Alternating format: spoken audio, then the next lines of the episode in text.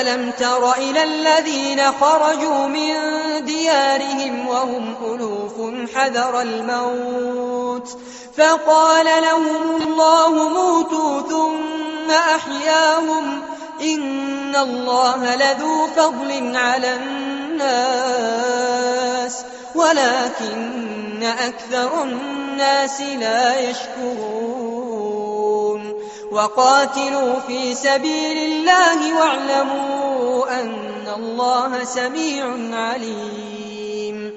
من ذا الذي يقرض الله قرضا حسنا فيضاعفه له أضعافا كثيرة. والله يقبض ويبسق وإليه ترجعون. ألم تر إلى الملأ من بني إسرائيل من بعد موسى؟ إذ قالوا لنبي له مبعث لنا ملكا نقاتل في سبيل الله. قال هل عسيتم إن كتب عليكم القتال ألا تقاتلوا؟ قالوا وما لنا ألا نقاتل في سبيل الله وقد أخرجنا من ديارنا وأبنائنا. فلما كتب عليهم القتال تولوا إلا قليلا منهم. والله عليم بالظالمين.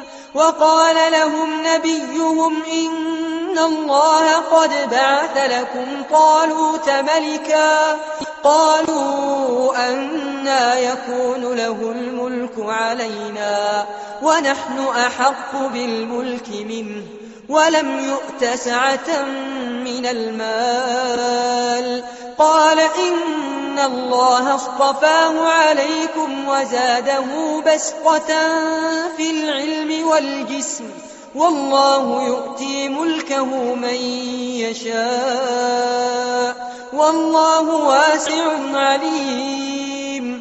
وقال لهم نبيهم إن آية ملكي أن يأتيكم التابوت. فيه سكينة من ربكم وبقية مما ترك آل موسى وآل هارون تحمله الملائكة. إن في ذلك لآية لكم إن كنتم مؤمنين. فلما فصل طالوت بالجنود قال إن الله مبتليكم بنهر.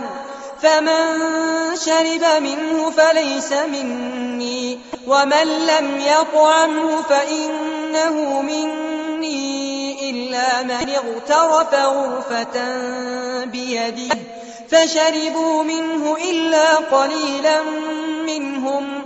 فلما جاوزه هو والذين آمنوا معه قالوا لا طاقة لنا اليوم بجالوت وجنوده.